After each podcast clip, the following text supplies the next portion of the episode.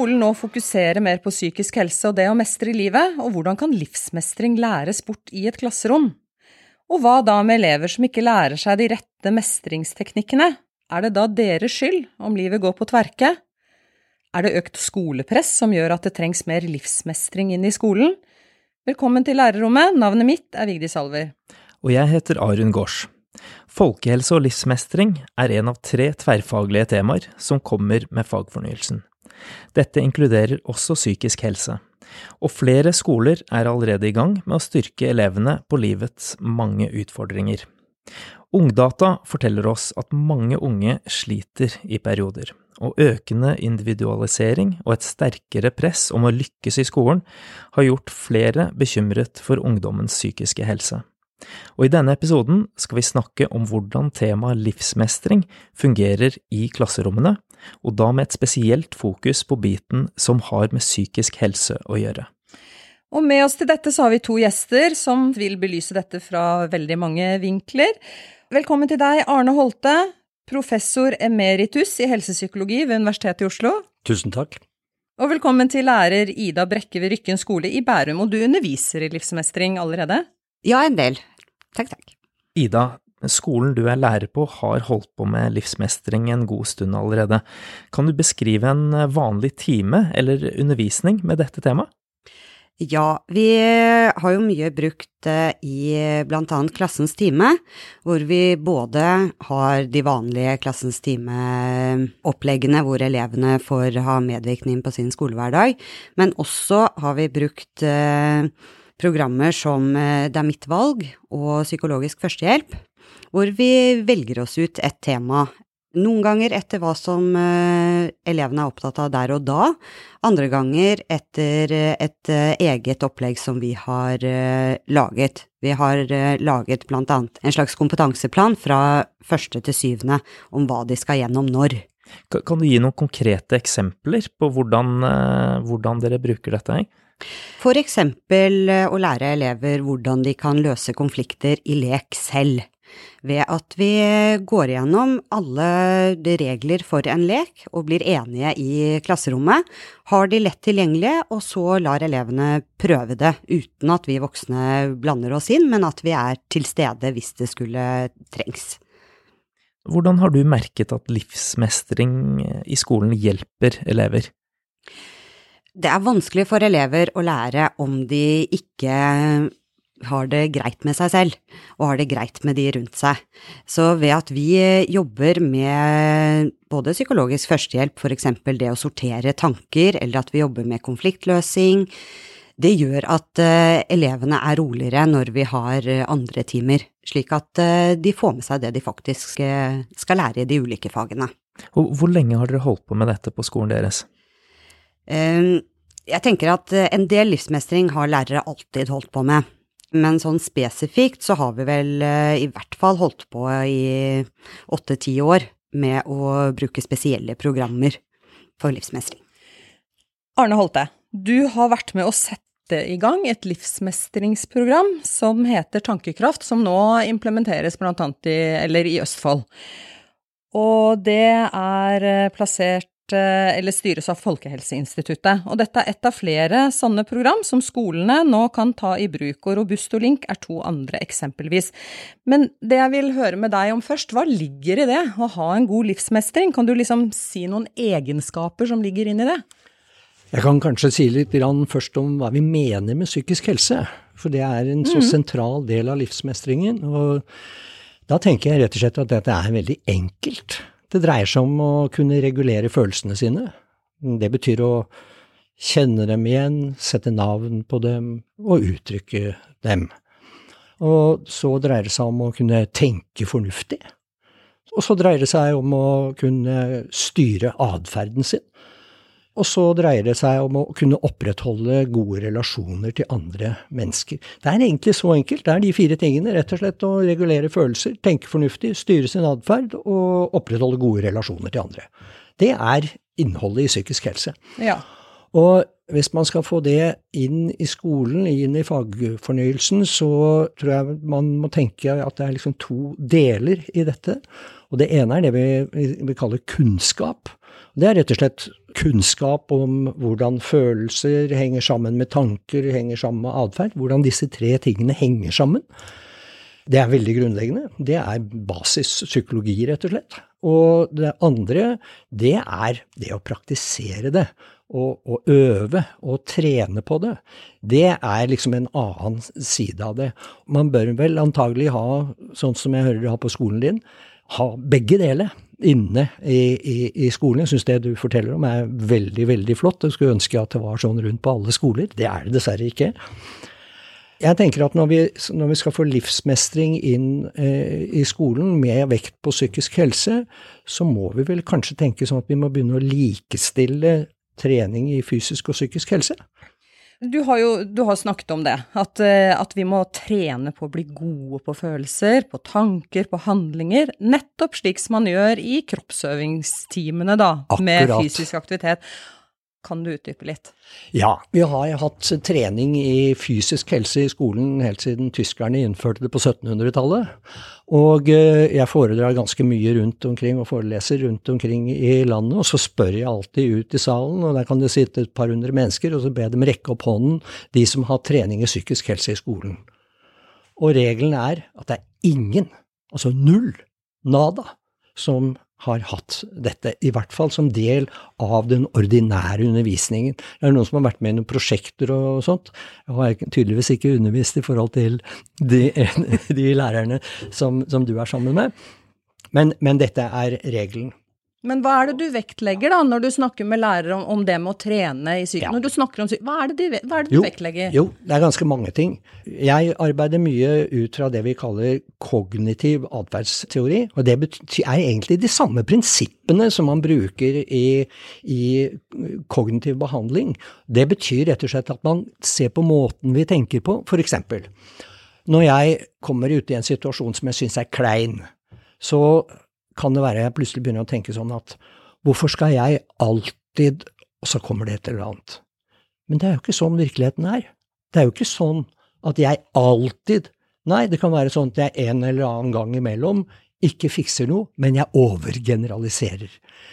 Eller jeg kan kanskje tenke sånn at hvorfor skal jeg aldri Det er et annet eksempel på en sånn overgeneralisering, eller feilslutninger, rett og slett.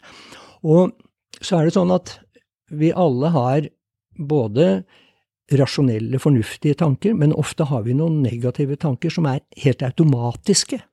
Som, som, settes i gang helt automatisk. Og det å bli litt mer klar over den kan være ganske lurt, fordi at da kan man hanskes med dem. Og veldig mange av dem er feilslutninger. Vi ser ofte, f.eks. I, i Tankekraft, da, har vi utarbeidet et arbeidshefte med eksempler på sånne ting. F.eks. en ungdom går forbi noen andre ungdommer som står og snakker sammen, og akkurat idet de går forbi, så begynner de å, å fnise. Og så kobler jeg det over til klærne som jeg har på meg. Men så fniser de kanskje av noe helt annet. Sånn at det å sjekke realiteten kan være ganske fornuftig. Det er ikke alltid det er sånn at verden er sånn som vi tenker. Det er denne type eksempler vi, vi bruker og, og, og, trener på. Men så er det jo lærere da, som skal stå i klasserommet og snakke om dette. Og hva slags kursing på forhånd bør man ha? I Østfold har vi nå trent opp 210 eh, lærere, tror jeg det er, foreløpig. Dette er jo erfarne lærere, men som ikke har vært vant til å, å skulle trene barn og unge, eller i dette tilfellet ungdom i videregående skole, i eh, sånne tenkemåter. De går da på en ukes fulltidskurs med hjemmelekser, så det er en ganske heftig opplæring. Og de må øve seg, eller fremstå noen ganger, vise at de kan dette. Um, det jeg syns er veldig morsomt med det, det er jo at halvparten av disse skolene som disse lærerne er på, det er yrkesfaglig retning. Og det betyr at de kan være elektrikere, ingeniører, snekkere av utdanning, som så har kommet inn og er lærere i skolen. Og det er jo ingen av disse som da de begynte på snekkerutdanningen sin eller elektrikerutdanningen sin, trodde at de skulle undervise og trene elever i psykisk helse. Men det gjør de, og det gjør det bra.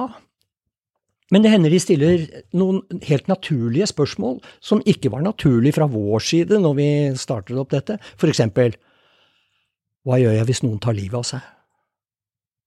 Og da sier vi, det er ingen som tar livet av seg fordi de får trening i psykisk helse. Og dessuten er det veldig sjelden at ungdom tar livet av seg. Og da er det helt andre grunner. Og så, så spør de, ja, men hva gjør vi hvis noen begynner å grine?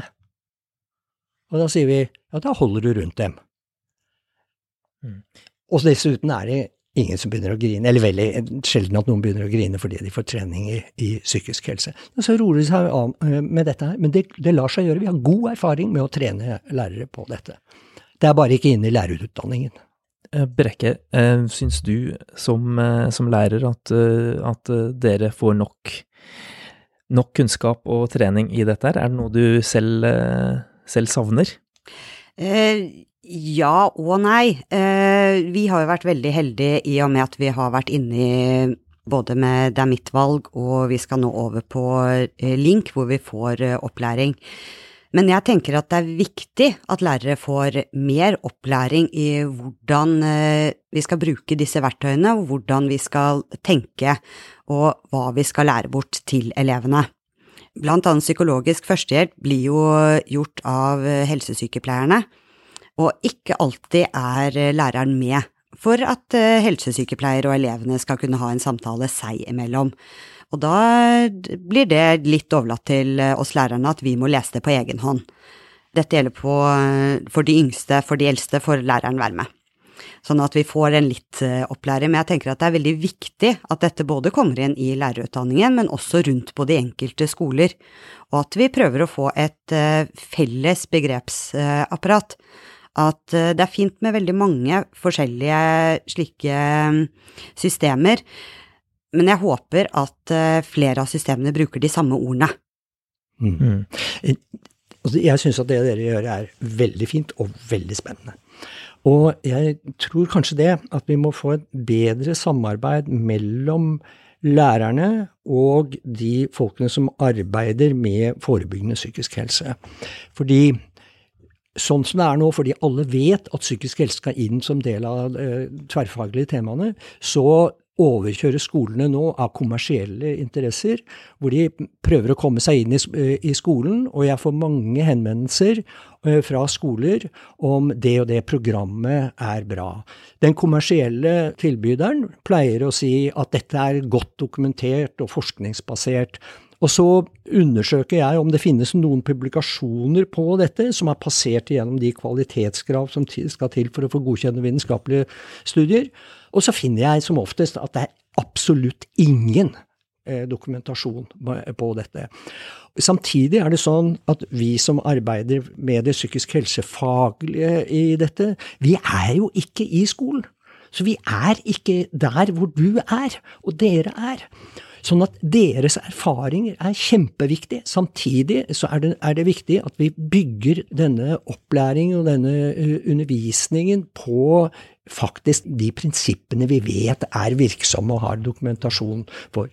Nå skal vi ikke standardisere dette helt heller, fordi eh, lærerne må ha sin indre motivasjon for å gjøre dette og finne sin fasong. For vi vet jo det at entusiasmen hos læreren er en helt sentral faktor for å få gode effekter av, av dette. Så vi skal ikke standardisere det helt, men vi må kombinere den erfaringen du sitter med, og den kunnskapen mine kolleger og, og så er det vel, vel slik holdt at det er jo mange programmer som du nevner, og det er kommersielle aktører. Mange av programmene er jo underlagt universitetssystemer og forskes på, sånn som Ditt Tankekraft også. Men jeg skjønner at det er eh, mange interesser ute, men er det hva er liksom det konkrete problemet med at alle elever ikke går gjennom det samme opplegget? Uh, la meg svare deg på en litt annen måte. Uh, innenfor mitt fagområde, som er forebygging av psykiske lidelser, og ikke minst styrking av psykisk helse, dette er, det er to litt forskjellige ting. Innenfor det området så er man opptatt av hva er den beste strategien. Er det å satse på å plukke ut, finne de barna tidlig som er sårbare og som er i ferd med å utvikle en psykisk lidelse, eller er det å finne de gruppene som er sårbare fordi de har noen felles risikofaktorer, eller skal man tilby, skal man gi det til alle? Og jeg tror alle som arbeider med forebygging, vil si at det mest effektive, det vi får mest igjen for for pengene, for å si det uh, uh, hardt og brutalt, det er de såkalte universelle tiltakene, de som går til alle elever. For de nyter alle elevene godt av, det er nå det ene. Det er at de treffer også alle de med høy risiko, eller, eller, eller som er, har særlig uh, sårbarhet. Og ikke minst, de får med seg også alle de som kommer til å utvikle en sårbarhet på dette. Derfor er det beste å, å gjøre dette overfor alle.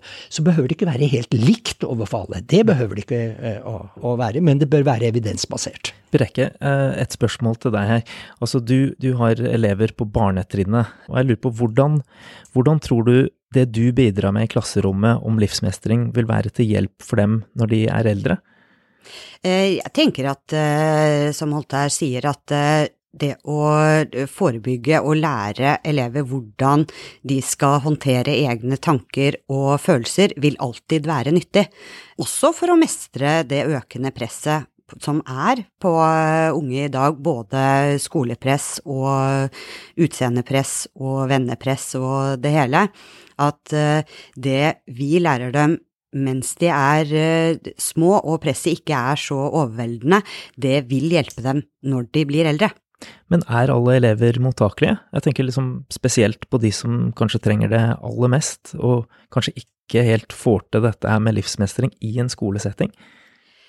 Eh, alle er nok mottakelige for noe, og bare det å kunne eh, få en liten hjelp til sortering av egne følelser og litt en, eh, en, liten verktøykasse for hva kan jeg gjøre, hvor kan jeg be om hjelp hvis det skulle trengs, så er det jo selvfølgelig at eh, det er en del som trenger mer hjelp enn hva vi kan tilby i skolen.